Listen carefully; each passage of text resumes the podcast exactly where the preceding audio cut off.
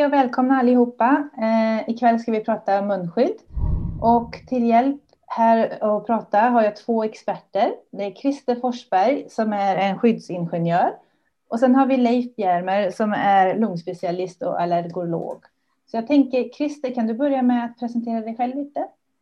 Ja, jag, eh, jag började faktiskt min karriär på Karolinska sjukhuset och det har jag märkt med vilken god hjälp det har varit när man ska sätta sig in i alla vetenskapliga artiklar. Och eh, det intressanta är väl roligt då, för där på Karolinska där lärde jag ju känna Jersey Einhorn. Och nu idag så får jag lära känna Lena Einhorn, så det blir som en cirkel som har slutits för mig. Då, ja. när, jag, när jag hade utbildat mig som skyddsingenjör så gick jag över till KTH och där har jag då drivit en mängd olika projekt då inom just det här med personlig skyddsutrustning och i, i det jobbet där jag gjorde så ingick jag då i, som en expert då i såna här arbetsgrupper då för att ta fram olika standarder för eh, olika skyddsutrustningar. Eh, jag har också då tagit fram en, en bok, en guide då för hur man eh, väljer rätt skyddsmaterial. Och eh, det var det som gjorde att det var lätt för mig också sen att ta fram en guide här nu, en coronaguide man kan kalla det för då, för att välja rätt andningsskydd. Så hur många års erfarenhet har du att arbeta med och tänka på skyddsutrustning? Och... Ja, det, jag vågar knappt säga det, men jag tror ni är uppe i 40 år nu här. Ja. Um, och när du jobbade på Karolinska, var du läkare då? Eller? Nej, jag var medicinsk ingenjör då, för jag höll på med trombosdiagnostik då. Jag ska diagnostisera blodproppar och utvärdera då olika profylax som till exempel eh, heparin. Jättefint. Tack så mycket. Då uh, går vi över till Leif. Har du lust att presentera dig själv? Ja, Leif Bjerme. Jag har en, eh, fortfarande kvar en, en eh, seniorprofessur och överläkarställning i Lund. Så jag eh, ser många av mina patienter faktiskt via telefon och webb. Eh, sen har jag i tillägg då en eh, forskningsrådgivartjänst i, i Trondheim på universitetet och universitetssjukhuset där. Så, så jag har eh, av olika skäl då blivit fast i Norge den sista månaden för man får inte resa in. Och, men jag har så att säga en fot i vardera läger och jag har ju sett utvecklingen i Sverige jämfört med Norge och det är en fascinerande skillnad. Jag tyckte det var lite kul att höra för att eh, det har ju sagts att vi i Sverige inte har en, mun, eh, en kultur att bära munskydd, men jag tänker att mm. Norge kanske kände likadant, eller vad tror du? Jag, jag, kom precis till, från en resa, jag var nere i Oslo nu på ett möte och det som slog mig det var eh, vilken enorm munskyddsdisciplin det är. Alltså det eh, till och med ute på gatorna har folk eh, de flesta munskydd och går du in i en som en väntsal, en affär eller någonting så är det, det, det är väldigt sällan att du ser någon som inte har munskydd.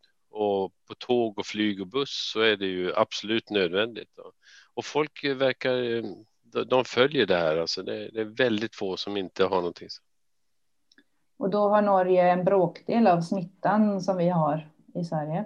Ja, den är ju extremt stor skillnad. Om man ser till antal döda och så vidare så är det ju nästan en 20-faldig ökning, alltså eh, eh, fler fall i, i Sverige jämfört med Norge. Så. Mm. När vi kollar man har passerat på... över 14 000 i Sverige och i, i Norge så är man kring knappt 800. När vi kollar på de här eh, siffrorna på hur det sprids i samhället idag, för att EU mm. kommer ju ut med nya direktiv nu och under, man skulle vara under 75 fall per 100 000, eller hur var det, för att kunna få använda sig av de här vaccinationspassen.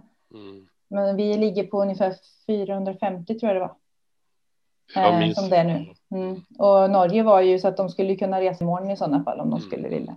Mm. Jag tänker att vi kör loss med lite frågor här. Ehm, och jag tänker vi kan värma upp med den här frågan om vad som egentligen är skillnaden mellan ett andningsskydd och ett munskydd. För att kunna svara på den frågan måste man förstå att det är skillnad på inandningsluften och utandningsluften. Andningsskydden de är då till för att skydda din inandningsluft. Här har vi ett exempel på ett andningsskydd med ett så kallat FFP3. Ni kan ju se att det står FFP3 här och så ser man vilken standard det följer. När man provar ett sånt här skydd då, enligt med en standardiserad provningsmetod, då mäter man penetrationen av små och stora partiklar genom masken. Och en sån här mask den måste då få bara ha en procent partiklar som penetrerar, alltså det är en 99-procentig filtereffektivitet på den. Dessutom så provar man om den läcker sidan, inläckaget. Den här masken har då 2% inläckage. Går man över till FFP2, som ni ser den här typen, som är en enklare andningsskydd, där ligger då eh, filtereffektiviteten på 94 procent. Och den får då ha lite större, mer inläckage. Man jämför man då det här med ett, den här typen av skydd, vi kanske har sett de här engångsskydden, här ligger då kanske inläckaget upp till 50 procent och filtereffektiviteten kanske inte mer än 50 procent heller. Men det intressanta med det här skyddet är då att det här är det som Folkhälsomyndigheten rekommenderar och det ska användas mot bakterier, stora droppar och inte virus. Mm. Ja, och en, eh, en, kanske en följd på det då, för om man säger att de filtrerar så bra, de här FFP3, så finns det ganska många som äh, frågar sig eller säger att de känner att de äh, kommer att kvävas eller att, att man kan man kvävas av sitt eget munskydd? Ja, det är intressant att du frågar det, för i de här testerna, det är ganska många omfattande tester som görs för de här skydden. Och där ingår också då att mäta koldioxidhalten inne i masken. Så den får inte liksom komma upp till någon skadlig nivå. Så det, det, är garanterat så att man inte kan kvävas av sitt munskydd?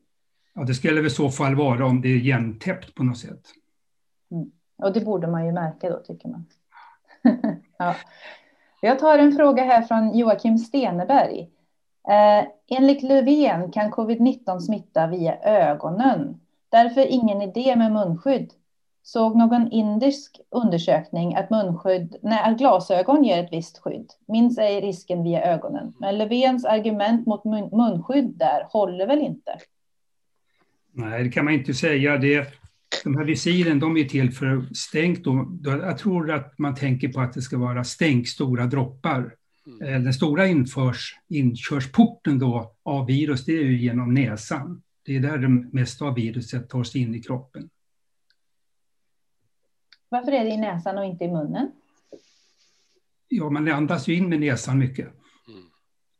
Det, det kanske Leif, det där kan nog Leif mycket det, men det här med ögonen, alltså, det, man ska ju komma på att eh, covid-smittan den är ju både aerosol och kontaktsmitta. Och, och eh, det vet man ju att det är väldigt vanligt att man eh, till exempel med fingrar petar och alltså helt enkelt för in virus i ögonslemhinnan och det, det, är ju en vanlig smittväg. Men det, det, hindrar ju inte att man även får det i sig när man andas så att det, det är bägge de två sakerna ska man tänka på. Ja, jag minns någon studie från WHO eh, från i slutet på sommaren tror jag. Och där hade de ju också kollat på om glasögon skyddar och så. Det var ju en liten skyddseffekt, det var det, mm. men det var ju inte så stor som det var med munskydd. Då tror jag, alltså sjukvårdspersonal då som jobbar nära patienter, då ska man ha korgglasögon istället. Det är effektivare än att använda visir. Ni vet korg, då, mm. ungefär sådana som man har när man är ute och åker skidor. Ja, vi har dem i labbet ibland också. Så, ja, ja. Um, Mariella Urita Nilsson. Hon undrar, jag har sett att många länder använder dubbla munskydd, framför allt riskgrupper och yrken som är särskilt utsatta. Finns det något som tyder på att det ger bättre skydd? Jag syftar inte på tygmunskydd. Ja, jag undrar vad hon tänker på då. Men alltså, har man skaffat det här skyddet nu som FF, FFP3-filter, då är man skyddad. Det är, det är ju bara en procent som det penetrerar och väldigt lågt inläckage. Om man nu sätter ett, ett annat skydd ovanpå det här, då kan det bli så att det kanske blir för stort andningsmotstånd. Så det får man ju liksom tänka på. Jag tror att de som använder dubbla skydd, de gör det för att de kanske är osäkra. Och det är klart att använder man de här enkla skydden, då kanske man vill kombinera det med, med ett annat tygmunskydd då för att vara lite säkrare. Det är ändå några lager till man lägger till. Om ni hade varit Folkhälsomyndigheten då, vad hade ni infört för något slags munskydd? Vad hade er rekommendation varit? Min, min rekommendation är då om vi, då, om vi tar till allmänheten, till och med en riskgrupp då. Jag har ju själv använt de här nu i 15 månader snart. Det, det, då är man ju säker. Om man använder, måste använda varje dag, åka buss eller vad man nu är ute och använder på jobb, då kanske man kan klara sig ganska långt med det här andningsskyddet som är FFP2. Man jobbar till exempel i skolor där man pratar mycket och ute i butikerna, då kan det vara fördel att använda de här tygmunskydden då, som här är ett från Fröken Söt till exempel. Det är trevligt och det finns det många olika mönster på dem. Så du tänker att en lärare borde ha på sig ett sådant tygmunskydd? Minst. Och om mm. det inte är en äldre lärare nu som, det, som är orolig, då bör läraren använda de här med FFP2. Mm, mm. Um, ja. Hade du någonting att tillägga där, Leif? Nej, alltså jag, jag tycker det är viktigt här att man skilja på om man vill skydda sig själv från att få viruspartiklar genom filtret eller om man vill bidra till att få en, alltså en reduktion av viruspartiklar i luften eh, om man själv skulle vara smittad. Jag, jag tycker det, jag har sett också det är ju att eh, FFP2-filter, det är inte så ovanligt när man ser här i Norge också, folk går omkring med det, men de flesta har ju faktiskt de här eh, enklare varianterna. Men jag tror att det, om, om alla kunde enas om att åtminstone använda det så kommer man att minska virusmängder och därmed då också så att säga, kanske också alltså reducera både svårighetsgrad och antal som blir smittade. Så att det... Nej, då, det, och det leder ju direkt till det här med om det är en luftburen smitta eller det är en inte luftburen smitta. Så vi hörde igår eh, i riksdagen när de sa att det här är en droppsmitta eh, till största delen. Håller ni med om det? Det är inte vad man har lärt sig från vetenskapen. Det är väl snarare så att den högsta koncentrationen smitta, de finns i aerosolerna och som kan då ligga kvar ganska länge i luften i ett rum. Hur länge då, vet ni det? Ett par timmar vad jag har sett. Allt det här hänger på vad det är för ventilation i rummet. Mm, mm. Leif, vad, vad, säger du? Nej, men jag håller med dig, alltså, framförallt om du sitter i ett eh, rum där det är fler som är samlade och eh, man sitter och pratar och skrattar och så vidare, då eh, ackumulerar man ju virus i luften och jag menar, efter ett tag så alla vi andas in varandras luft och då är det klart, då sker det en smittspridning och därför så är det så viktigt att just när man är folk som inte känner varandra, när man är på offentliga platser och så vidare, i restaurang eller om man sitter på alltså flyg eller buss, så är det jätteviktigt att alla har munskydd för att minska den här risken. Ja, restaurang inne känns ju nästan omöjligt just nu för att jag menar, man, är, man måste ju ta av sig munskyddet för att äta. Ja, men, eh, men det är ju samma sak där, alltså när du sitter och äter så är det klart, då, måste, då kan du inte ha det på dig. Va? Men när du går ut och som nu, man har buffé eller någonting, då är det jätteviktigt att både handhygien och sen att du har munskydd på dig när du går omkring. Och sen när du har satt dig vid bordet va, och sitter med bra avstånd till andra, så du, då, då måste du fälla ner ditt munskydd för att kunna äta. Men mm. mm. har, har, man det tänket så, så tror jag det, då fungerar det. Jag, jag, tycker det, jag ser det att det fungerar jättebra här i alla fall. Mm, mm. Man skulle kunna säga det att när man kommer upp i, i liksom 95 procent använder munskydden, då har man fått det här vad man kallar för en kombinerad filtereffektivitet. Mm. Så att för att på något sätt så att de här skydden, de blockerar ju ändå kanske 50 procent av smittan som kommer från någon som är, bär på smitta. Och sen om alla andra bär på, på den här typen av skydd, då, då blir det en filtereffekt en gång till. Mm. Det är därför det är så viktigt det här. Det, och, och, och, vi som i Sverige, där är så få, va, då, då undrar man vad är det för effekt vi uppnår egentligen med de här enkla skydden? Det är ju inte särskilt mycket. Mm. Så Ehm, vi pratade om en lärare ska ha det här tygmunskyddet. Eh, barn i skolan, det känns nästan som att i Sverige tycker man att det vore fruktansvärt om barnen skulle ha på sig munskydd, men i andra länder har ju barn munskydd och WHO rekommenderar väl det. Vad, vad säger ni om barnsituationen? Ja, jag tycker att barnen ska också ha, det beror på hur långt ner i åldern man vill gå, men det kan ju vara en kul grej att de syr egna munskydd i olika mönster. Det kan ju bli någon kul av det hela. Mm. Och designa egna och så. Ja. Men då, då tänker du tygmunskydd för dem? Ja. ja. Alltså, fördelen med de här tygmunskydden det är ju då att när man andas i dem så blir det ganska fort fuktigt. Och det är ju bomull i de här tygen. Och bomullen den suger in fukten och då sväller fibern och då blir den, liksom, den blir liksom bättre ju längre du använder skyddet. Mm. Jättebra. Mm. Eh, vi har en fråga här från, nu ska vi se, jag missade en här uppe. Jenny Olström, jag tycker jag kan behöva använda två ibland, men då tar jag skafen eller halsduken över istället. Så det var det här vi snackade om, att ha dubbla munskydd. Det kanske vi har avverkat. Um, Ros, Ro, eh, Rosemarie Honkanen Nyman, hon säger skydda munskydd med FFP2 effektivt mot att bli smittad eller måste man ha FFP3? Alltså, använder man FFP3, det är klart att det är ju det bästa, men de här de filtrerar ju ändå 94 procent. Eh, det här beror ju på, jag menar, ska du varje dag åka buss eller om du liksom har en aktivitet på jobbet, det kan bli jobbigt att använda enbart det här skyddet. Alltså, Sen tycker jag det är lite grann då med ålder också, om man tillhör en riskgrupp. Tillhör en riskgrupp, då ska man ha ett ordentligt skydd. Är man yngre, då kanske man kan då klara sig med de här skydden. Man ska veta att det är en stor skillnad att använda de här FFP2, för de sitter ju åt mot ansiktet. De här skydden då, då är det stora glipor i sidorna. Det är stort läckage. Mm.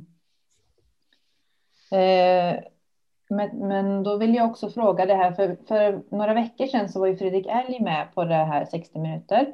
Och då kallade han den här FFP3 som Gunnar Steineck höll upp. Han sa det där är en covid-kanon om du inte har något filter i. Vad menade han då? Jag, jag vet inte vad han menade. Ja, vi har diskuterat det här. Det är ju så att som jag nämnde, det här skyddet är ju ganska tätt. Och luften måste ju ut och då går det ut genom det här, den här eh, ventilen som är här. Det är en ventil här. Och då kommer luften ut här nere. Men sen kan man ju se det på det här sättet, de som bär sådana här skydd, det är också de försiktiga människorna som ser till att de inte är smittade. Sen, jag har hittat en studie på det här och det var väl i Japan och då kom man väl fram till att kanske den här blockerar ändå 80 procent av Eh, den smitta man bär på. Och då ska man ju ställa det i relation till den här som kanske bara blockerar 50 procent. Okay. Så att men, eh, så illa. Så om det är ett filter i så är det bra, men om det inte är ett filter i så går det fortfarande att använda? Är det det du ja. säger? Jag måste klara ut det här. Ja. Det här är filtret, själva masken. Det är ja. polypropen då som man har. Eh, den är gjord i många lager det du ser här, det är, det där, det är ventilen mm. som släpper ut din inandningsluft så att du inte storknar i skyddet. Mm. Och det är så, men de här, där, där, är det, den är inte så tät som den här är, så där behövs det inte den här ventilen fram som släpper ut luften. Okay. Så man kan säga att det här är en, en slags kompromiss. Va? Det är inte det perfekta munskyddet, men men det, ger ju, det blockerar ju ändå ganska mycket av smitta från den som bär på smitta och du är hyfsat skyddad.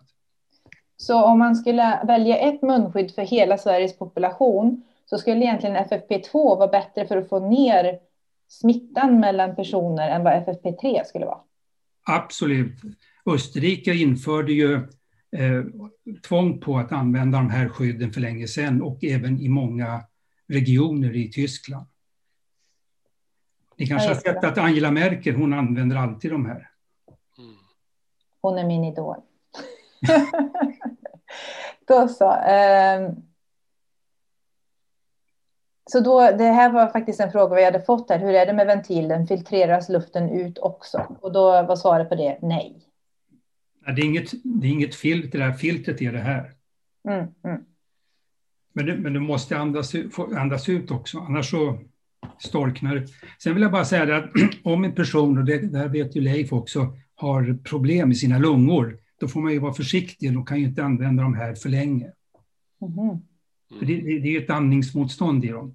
Nu är just det här skyddet är lite specifikt för de har gjort en, en finurlig konstruktion som gör att det är lättare att andas än många andra andningsskydd. Alltså det, jag håller med, alltså, tolererbarheten eh, varierar väldigt mycket från individ till individ. En del upplever ju att de har, får svårt att andas även om du rent, kan visa rent tekniskt att det inte är något stort motstånd så upplever de ändå att de känner sig väldigt instängda. Och jag menar ju att man bör säga så att det viktigaste är att man har eh, munskydd och att, eh, än att man inte har någonting. Och de som klarar av att tolerera de mest effektiva, det är ju jättebra för de bidrar till en minskad så att säga, smittspridning generellt. Men sen är det ju också så att antal virus som finns i luften och antal virus som du får i dig eh, kan också korrelera till hur sjuk du blir. Så får du en jättedos så kan du bli jättedålig. Men får du sådär lagom eh, viruspartiklar så är det stor chans att du klarar av att hantera det med ditt immunsystem och du kanske bara blir inte sjuk alls eller bara lite sjuk, men du bygger upp en immunitet. Så att eh, det här är på något sätt är det en solidaritetshandling att eh, alla som kan ska bära så mycket skydd de kan. Just det, för att om alla använder de här skydden så kommer det ju, som du säger, koncentrationen blir så låg så att du, du kommer inte bli allvarligt sjuk längre. Mm. Jag tänkte höra med dig Leif, det var, jag såg en studie där sa de att till och med att de här skydden kunde hjälpa dig att bli immun för att du får så små doser i dig med de här så att du bygger upp ditt immunförsvar. Vad tror du om det? Jag, jag, jag menar att det ligger mycket i det. Att eh, du kan vi vet ju att det byggs upp en immunitet i, hos folk som, som då inte, aldrig har haft symptom. Och det är ju de som har fått då små doser i sig eller som har tolererat det. Så jag, jag tror det är ett naturligt fenomen som du ser vid sådana här virusinfektioner. Mm. Intressant. Ja. Eh, Leif, eh, vad tror du är farligast med covid-19? Droppsmittan eller luftburen smitta? Ja, det är mängden. Jag menar om du råkar att vara i nära en som nyser till exempel eller som skrattar högt och frigör stora mängder så, ehm, så, och du får droppa i det så är det självklart att det, att det är farligt. Va? Men sen är det aerosolen, om du vistas under längre tid i ett rum med en som är smittad som inte bär skydd så kan du få det i dig lika stora mängder där. Det, det är mer fråga om alltså antal virus per tidsenhet och exponering. Mm. Men det där vet du mer om Christer, det med till exempel eh, hur virus ackumuleras i luften. Ja, jag, jag har läst en del vetenskapliga rapporter. Man gör såna matematiska modeller hur snabbt. Det är ju liksom ett linjärt förhållande där, hur det sprids i luften, partiklarna. Och det kan ju fyllas upp ganska snabbt i ett rum. Om ni tänker, jag vet inte om det finns studier på detta, om man säger att 100 människor har blivit smittade av covid-19, hur många vet man om liksom hur många har antagligen fått dem via luftburen smitta och hur många har fått dem via eh, fomitis, alltså eh, vad heter det, något de har tagit i eller och hur många har fått det genom att någon har spottat på dem så att säga. Ja, men alltså de smitt tillfällen som har uppstått, till exempel i en kör eller folk som har suttit i samma rum på en restaurang och blivit smittade. Det är, ju, det är ju ingen tvekan om att det är ju den luftburna smittan som har varit orsaken där. Man har inte gått omkring och delat bestick eller någonting utan det är, man har alltså andats in samma virus. Ja. Kan vi fylla på, det var en studie i, från Australien där, där hade det då en eh, i en kyrka så var det en, en, en körsångare som stod uppe på läktaren. Och då hade man räknat ut att han spred smitta 15 meter bort. Mm. Så, så, blev människor sjuka. Och det var ändå ett eh, stort utrymme med eh, ja, mycket luft som skulle fyllas. Och hade man varit i ett, ett utrymme med lägre till taket så hade avståndet säkert varit betydligt mer än 15 meter. Så det absolut säkraste det är att befinna sig utomhus eller? Ja, där det blåser. Ja. Så Bruno Rebellion, han säger att utifrån att Folkhälsomyndigheten säger att munskydd rekommenderas i situationer där avstånd inte eh, rekommenderas. Jag menar nog kan hållas kanske. Varför finns det ingen rekommendation att alla som vistas i en skolbyggnad bör i min värld ska ha munskydd och i bästa, bästa andningsskydd? Ja, det finns helt enkelt inte. Det borde, borde finnas det. Jag hjälpte ett av de här lärarpacken förut för att det var en lärare som ville ha skydd då men, men eh, vägrade, kommunen vägrade men sen så fick lärarna använda skydd. Mm. Ja, det är, det är ju, jag tycker att det är, jag hörde från Danmark också att det var någon som inte fick använda, att lärare inte får använda munskydd i skolan. Det är ju tragiskt, alltså att man inte får skydda sig i sin egen hälsa när man går till jobbet. Det är ju, det, det är ju fruktansvärt. Och motivet var att Folkhälsomyndigheten har sagt att det inte behövs. Mm. Mm. Ja, eh, Camilla Kellner Amft, hon frågar, eh, eller hon säger rättare sagt att jag tycker det är svårt att få FFP2 att sitta riktigt tätt runt hakan. Antar att det då inte skyddar till fullo. Är det så? Ja, jag, jag vet inte. För mig, jag tycker inte det är något problem. Men då, då kanske hon ska prova den här FFP3 istället, för den, den sitter på på ett mycket bättre sätt. Men, Finns det alltså, olika sorters eh, form på FFP2? Ja, det, det, kan vara, det kan vara olika sorters form på, på men, men den här masken den, den formar sig själv efter näsan. Eh, men det finns ju alla, alla de här, de ska ju ha en, en bygel här, en näsbygel som ska klämma åt näsan. Men jag förstår här nere, det beror på hur man, vad man har för ansikte. Och man kanske får prova lite olika skydd. Hur länge kan man använda en sån FFP2? Ja, du kan väl du kan väl använda nästan hela dagen, men det vill man ju inte. Jag tänker en sån här FFP3, efter en timme då, då är det nästan dags att, liksom att ta lite frisk luft innan man fortsätter använda det. Mm. Mm. Något som jag har undrat över lite grann, som Christer kanske du kan svara på då. De som har skägg.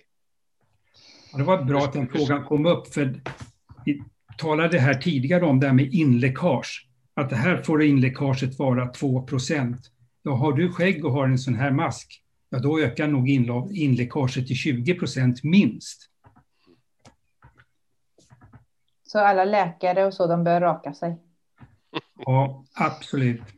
Vet ni varför eh, skägget som mode försvann under eh, första världskriget? Mm. Gasmas gasmasken. Usch. Ja. Ja, ja, ja. Mm. Ja, eh, om du fick bestämma över eh, läkarna som jobbar med covid-patienter, vad skulle de ha på sig för skyddsutrustning? Ja, läkarna måste ju ha den här, för där har vi ju det som hög koncentration av smitta. Då är de säkra. Ha, har de det i Sverige idag? Ja, det, det har inte alla. Tyvärr så är det många som använder den här FF, FFP2. Och sen kombinerar de med det här visiret. Mm. Ja, det tar vi. Vi ska göra en liten grej på visir också. Ja. Um, nu ska vi se här. Mikaela Torsdotter undrar, är det bättre luft på sjukhus och hos tandläkare? Är det att det är ett större luftflöde i så fall? Går det att få liknande luft till exempel i klassrum? Ja, det är intressant att se med klassrum. När jag gick i skolan då öppnade man ju alla fönster. Var rast. Idag så kan man ju inte öppna fönster i en skolsal. Så då, luften är ju dålig i klassrummen. Mm. Vad, om ni hade fått styra över ett, en skola, om ni fick gå in och prata med en rektor, vad hade ni sagt då?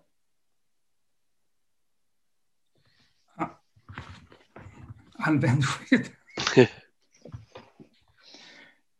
Nej, men det, det är både det. Sen är det ju att begränsa kohorter förstås. Att, ehm, ja. det, där är det väldigt strikt. Jag vet, här att man ehm, du umgås med din klass och man har en alltså, men detta är ju dels för att minska risken för smittspridning men framför allt också att ha en spårbarhet för de här ungdomarna tenderar ju att frottera sig med varandra väldigt men eh, nu eh, vet, i, där jag bor nu där är det alltså väldigt klart definierat vem du får umgås med och det, du umgås med din klasskohort.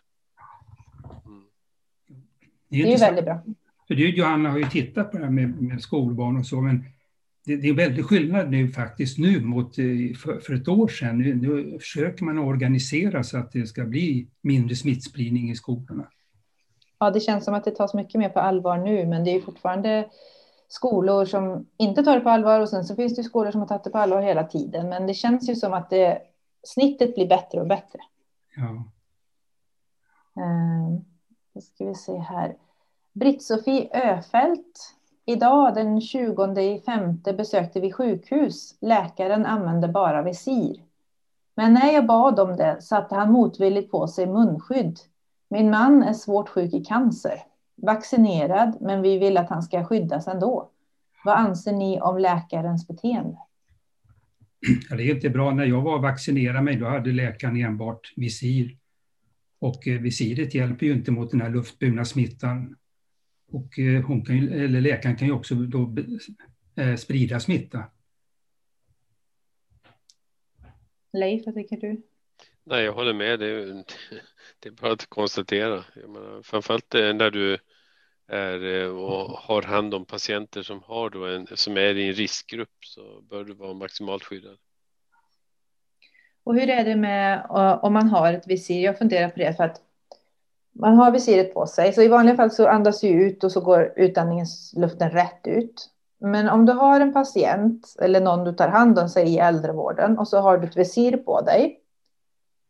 Så måste ju den här luften som normalt sett har gått rakt fram, den måste ju skickas neråt. Och det är väl där ofta patienten är, eller? Om, till exempel om man tar hand om någon i äldrevården och så, så kanske patienten sitter ner. Kan det inte bli så att det blir värre med ett visir än utan?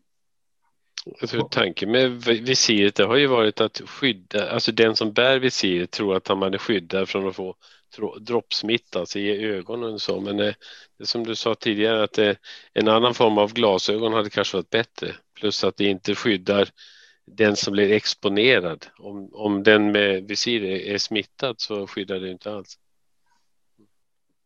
Nej, precis. Så att om man vill, om man vill skydda dem man, man tar hand om så kan man, mm. då är visir inte det är inte grejen. Nej. Jag vet inte om när ni tänker att gå till tandläkaren då så har ju visir där och så ligger man där i stolen. Det, då ser jag ju rätt upp under hennes visir. Ja, så att det snarare så hjälper nog visiret till och riktar så att säga mm. mot mig det som andas ut. Mm. Vi har ju faktiskt en bild på detta så jag tänkte jag skulle visa det för det var på SR häromdagen, jag tror det var igår eller i förrgår. Jag ska dela min skärm här och visa en bild som jag tänkte ni ska få kommentera. Ser ni min bild nu? Mm. Mm. Så det här blir lite så här, film fem fel. kan ni, ni, jag tänker att ni kan bara... Um, så det här handlade då om att vi har haft stor smittspridning i Sveriges industrier. Och det är ju naturligtvis inte bra för det ekonomin det heller när arbetarna inte kan vara på jobbet för att de är alla sjuka i covid-19. Eh, hur, hur, eh, vad tycker ni om det här upplägget? Ja, det här, här har vi ett exempel då på att avstånd inte hjälper. Det här är då från Fagerhults belysning. Och eh, det här är ju ingen lortig industri så att det är ju inte så där jättebra då ventilation i rummet. Och eh, de hade ju ett utbrott här kan man säga och till och med VD blev ju smittad när, när han gjorde en eh, runda i fabriken. Så att eh, man fyllde ju på här med, med virus under dagen och det fanns förmodligen kanske en superspridare här som spred smittan mellan de här. Och det är ju ett väldigt bra exempel på att det här att hålla avstånd nu som det talas så mycket om, det, det hjälper ju inte. Dessutom då så ser ni själva här, här står de då i visir och det är heller inte någon, det, visir kan ju inte ersätta ett munskydd eller ett andningsskydd på något sätt.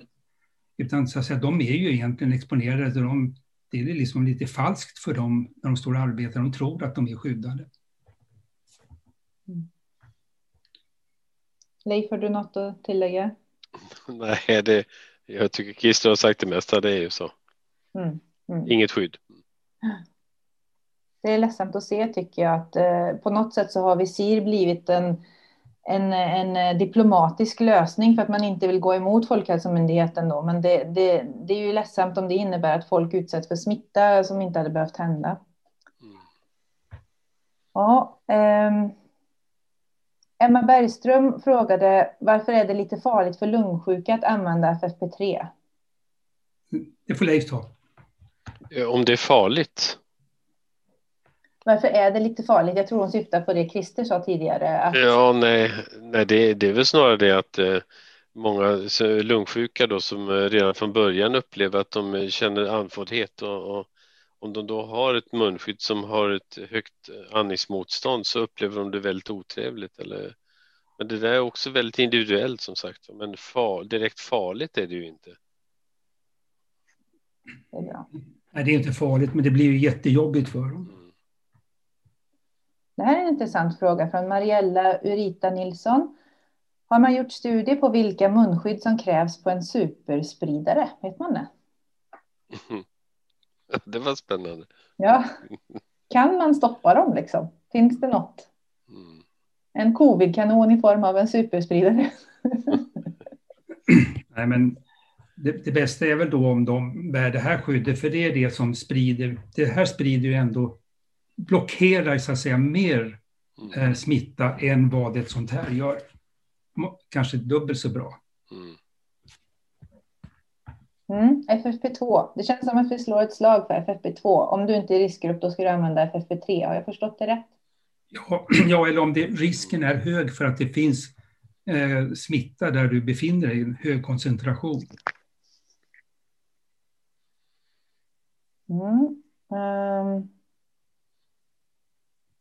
Okej, okay. Jenny Olström. Är det kortvågigt eller långvågigt UV-ljus som kan ta kål på covid-19?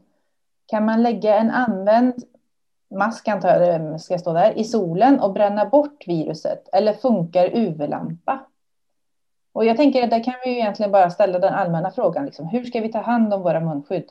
Ehm. Ja, jag, jag, tycker man ska liksom vedra ur de här. En del, jag vet, vi har haft det här tidigare i, i forumet. Och då säger man, jag hänger upp min på balkongen när jag kommer hem eller man hänger ut det på en krog så den får vedra ur. Så att efter två dagar så ska det inte finnas någon virus kvar på, på det här skyddet. Sen är det här då, man kan tvätta det så att den här, det ni ser här inne, det kan man då tvätta med tvål och vatten. Och det är ju väldigt effektivt, det vet vi. Viruset är extremt känsligt för både sprit och framförallt då tvål. Mm. Och om man har som tygmunskydd som min dotter har, hur tar man bäst hand om det? 60 grader i tvättmaskin. Mm. Mm. Uh, och FFP2, det slänger man bara efter en dag, eller? Mm. Det är många som använder de här skydden en hel vecka och det, det beror ju på alltså hur, hur, ofta du använder dem. Är det bara att du ska gå ut och handla lite mat eller vad det är, men är det så att du använder dem hela dagarna i ditt arbete, det är klart, då, då, då är det bra. Jag vill ta upp det här med att slänga, för att de här skydden, det är ju plast till 100 procent. De har ju blivit ett miljöproblem, inte bara att de skräpar ner, utan de ska ju återvinnas. Och nu har det visat sig att förra året gjorde vi av med mer plast än någonsin och vi återvann mindre plast än någonsin. Så det ska gå till återvinning. Mm. Det är tragiskt att höra och man ser ju att de ligger och skräpar. Och, ja, det är lite tråkigt att folk inte... Om, vi som nu vill att folk ska använda munskydd och tycker att det är jätteledsamt att man slänger dem i naturen, för då blir det, blir det ju att ingen annan... Alltså, man får ju folk automatiskt emot sig om de, de ser att de ligger och skräpar överallt, utan vi får allt ta hand om våra munskydd efteråt. Lägga dem med plastpåse och lägga dem till återvinningen. Eh, Lina Persson undrar, vad tror ni experter är den största anledningen till att man fullständigt vägrar från Folkhälsomyndigheten att rekommendera munskydd i skolan? Smittan härjar ju fritt där och många elever och lärare är sjuka. Enkel har till och med dött. En del kanske det ska stå. En del har till och med dött. Varför accepteras detta? Ja, det är den stora gåtan. Det är ingen som kan begripa varför Folkhälsomyndigheten har en sån här inställning. Eh, det, om det nu har att göra med att man ser det här liksom ur någon slags, ja, jag vet inte, epidemiologisk eh, synvinkel enbart. För, för egentligen så handlar det ju om att man ska förhindra att partiklar rör sig från en individ till en annan.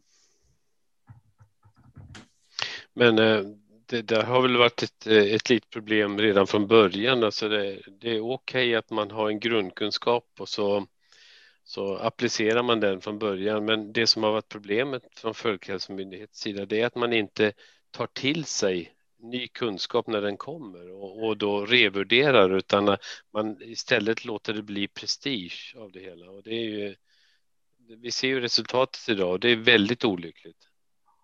Det går ju tvärt emot forskning. Alltså har man om man har ett nytt virus, en ny sjukdom på sina händer, att man under ett, en, ett år eller drygt ett år inte ska behöva uppdatera sina rekommendationer, det, det säger ju sig självt att det inte är vetenskapligt. Ja, det finns, eh, jag brukar säga att vägen den går till medan man går. Alltså får man, eh, och så finns det ett annat eh, citat som jag gärna skulle vilja använda i det sammanhanget också som jag hörde en god vän sa en gång. Alltså, där kunskapens sol står lågt och kastar även dvärgar långa skuggor. ja. Mm. ja. Um, vad säger Christer? Det är Kilo Unhosers som frågar. Vad säger Christer om andningssjukskydd FFP3 utan ventil? Jag visste inte ens att det fanns. Det blev väl en covid-kanon det. Nej, ja, nej, men alltså, jag tror inte det finns några utan ventil. Det måste finnas eftersom FFP3 har så eh, högt motstånd. Alltså det, det, den är så effektiv, 99 procent eh, är ju filtereffektiviteten. Så det måste finnas en utandningsventil. Så om man har ett FFP3 som inte har en ventil, då kanske man inte har ett godkänt munskydd, kan det vara så? Ja, för det ska ju vara godkänt enligt den här standarden EN 149.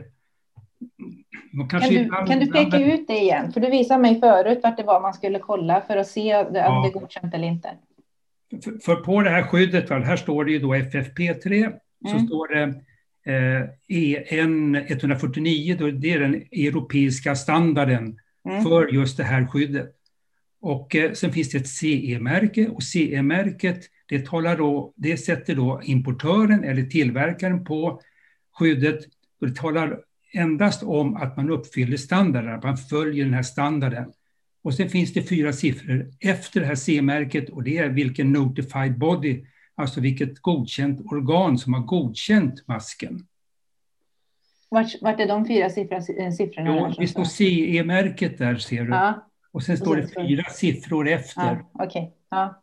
Och, det, och då ska jag säga det att alla, all personlig skyddsutrustning delas in i fyra, tre riskklasser. Och riskklass nummer tre, det högsta, det, det, det ingår de här skydden i.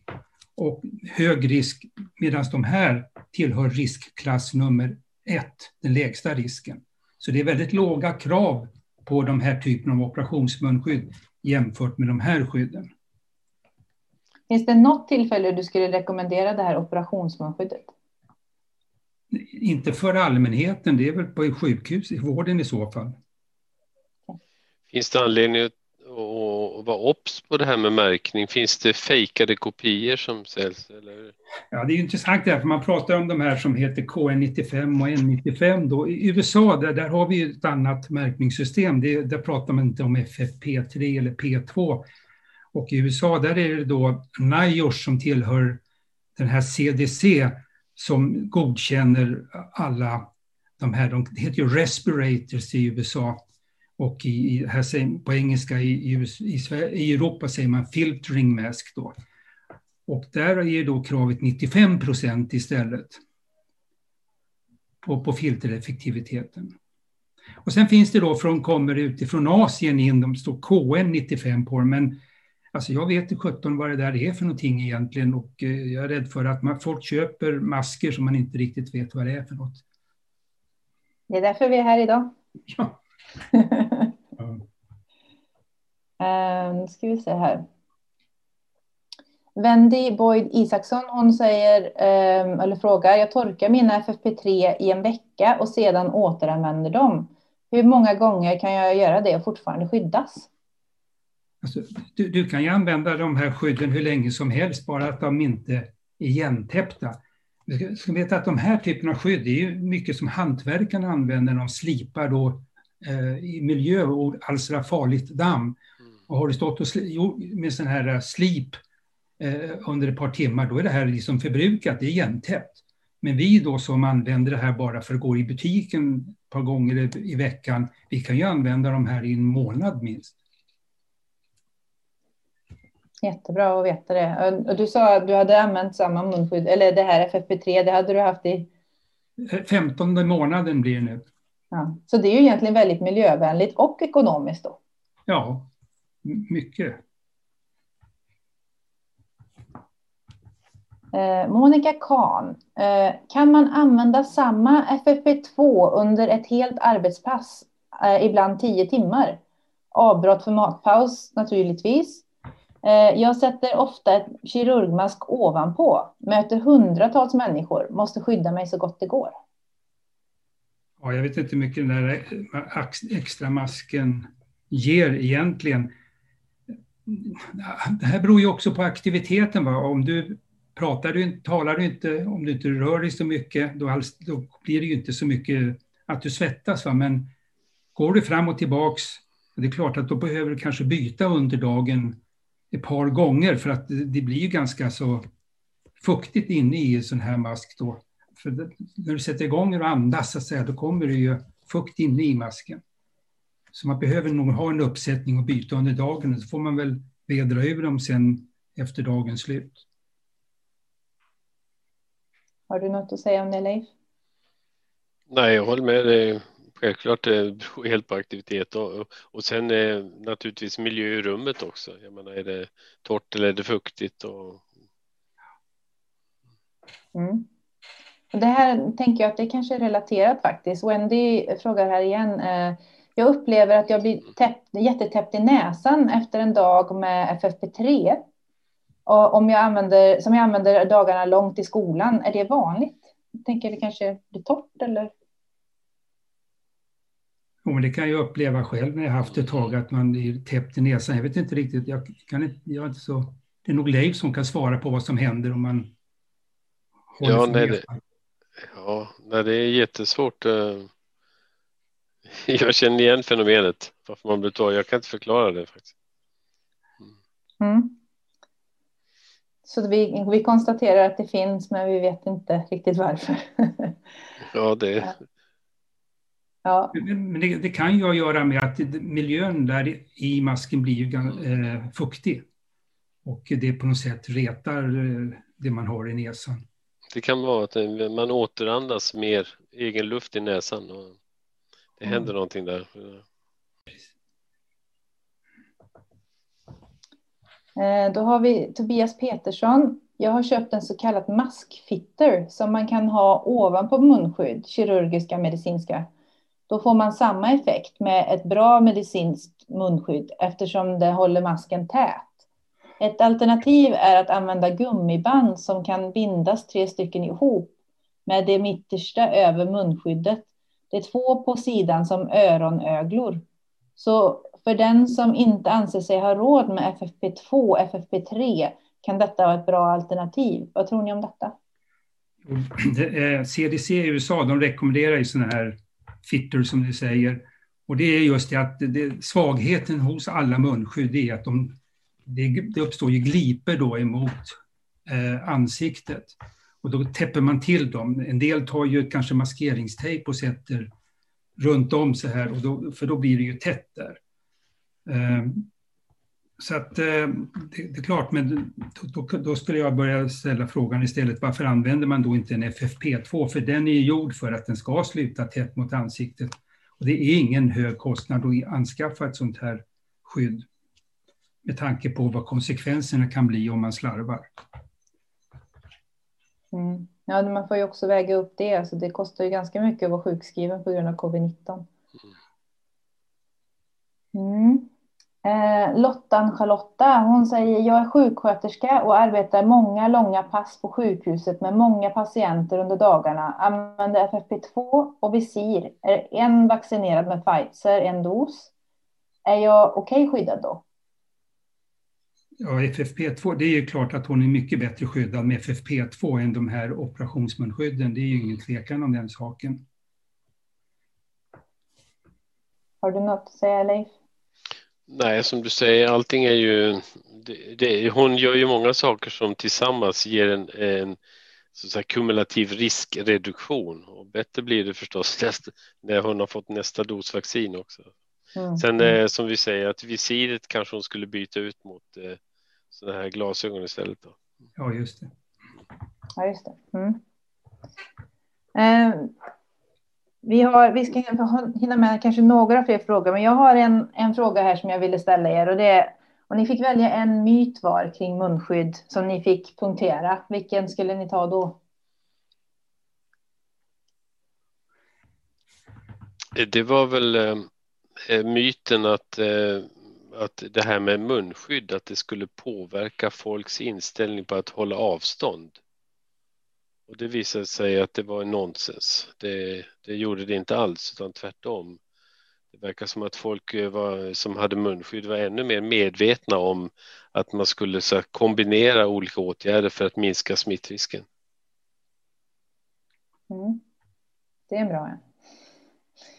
Ja, my, myten är väl att, det, att man tror att, det, att de skyddar.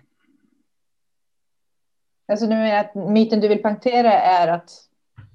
Man tror att, det, man, man tror att man är skyddad i de här. Okej. Okay. Mot, mot de här aerosolerna. Nu, nu förstår jag det inte alls faktiskt. jag tänkte på en, en, en myt. Va? Det, det går... Du menar myten är att man inte är skyddad? Nej, vänta. Nej, nu snurrar jag till det själv i hjärnan här. ja, men, det kanske var ett dåligt exempel, men... Eh, du menar att de skyddar? Ja, ja, ja man ja. tror det. Det är en myt ja. när man tror att de skyddar. Jag hade ju det här skyddet på. Mm. Eh, Camilla Kellner Amft, hon säger, finns det FFP2 för barn att tillgå? Det kan inte jag svara på. Det var en väldigt bra fråga. Mm. Jag tror att de är rätt så standardiserade. Det, det är ju intressant när man går in i sån här standard, då finns det såna här biometriska mått på ansikten som man utgår ifrån. Mm. Jag har inte tänkt på det här att det, det finns kanske olika storlekar också. Det, det, måste jag faktiskt fördjupa mig i. Eh, annars får man väl liksom då göra så att man, man tillverkar egna skydd åt barnen. Ja, jag skulle säga det. Det finns ju jättemånga fina tygskydd som är även designade så att de passar olika storlekar. Så att det... Mm, mm.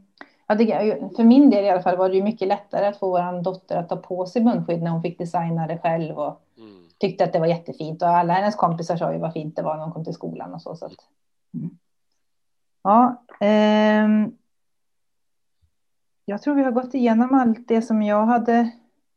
Jo, jag tänkte skulle fråga er också. Om man jobbar inom äldrevården, vad borde man ha på sig då? Då skulle jag nu är, det kanske en annan situation så många har blivit vaccinerade. Men, men eh, nyligen så kom ju då Arbetsmiljöverket med det här om man hemsjukvård och äldrevård att där ska man använda andningsskydd, säger de. För, nu, för det är så dålig ventilation i de här lokalerna där de äldre vistas. Mm. Håller du med Leif?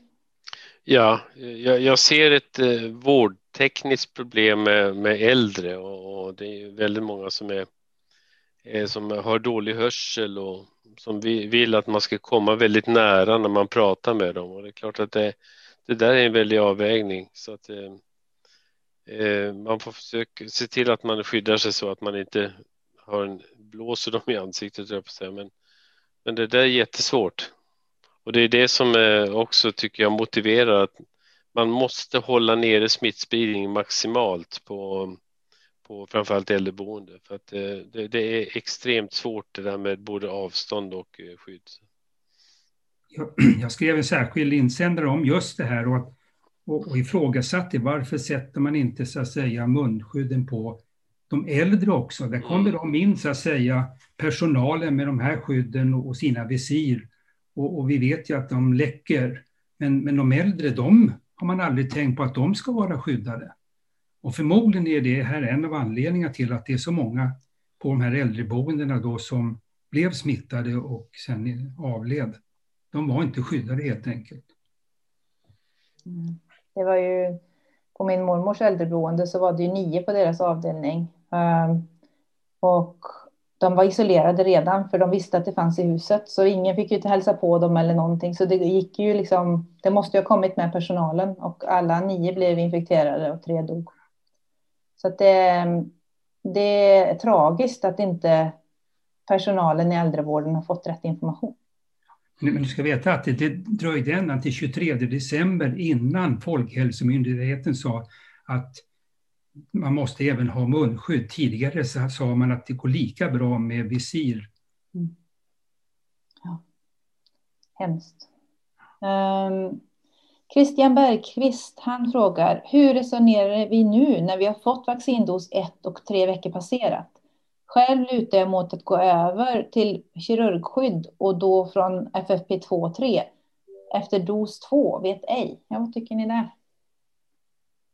I USA har de ju gått ut nu och sagt att efter man är fullvaccinerad behöver man inte ha munskydd längre. Nej, det, är, det är ganska intressant det där då, för mm. man var ju disciplinerad där i New York. Och det intervjuade med en kvinna då som sa, jag känner mig så naken när jag går ut nu, för jag, jag har inget munskydd på mig när jag går ut. Så att ja, de är tydligare där i USA, nu, nu, men de har ju då kört med sina tygmunskydd då hela tiden och nu har de ju fått ner då smittan på så låga nivåer. Så då, har, är man då fullvaccinerad då tycker de det är okej. Okay. Men så är det ju inte här i Sverige. Här ligger vi fortfarande på en hög nivå.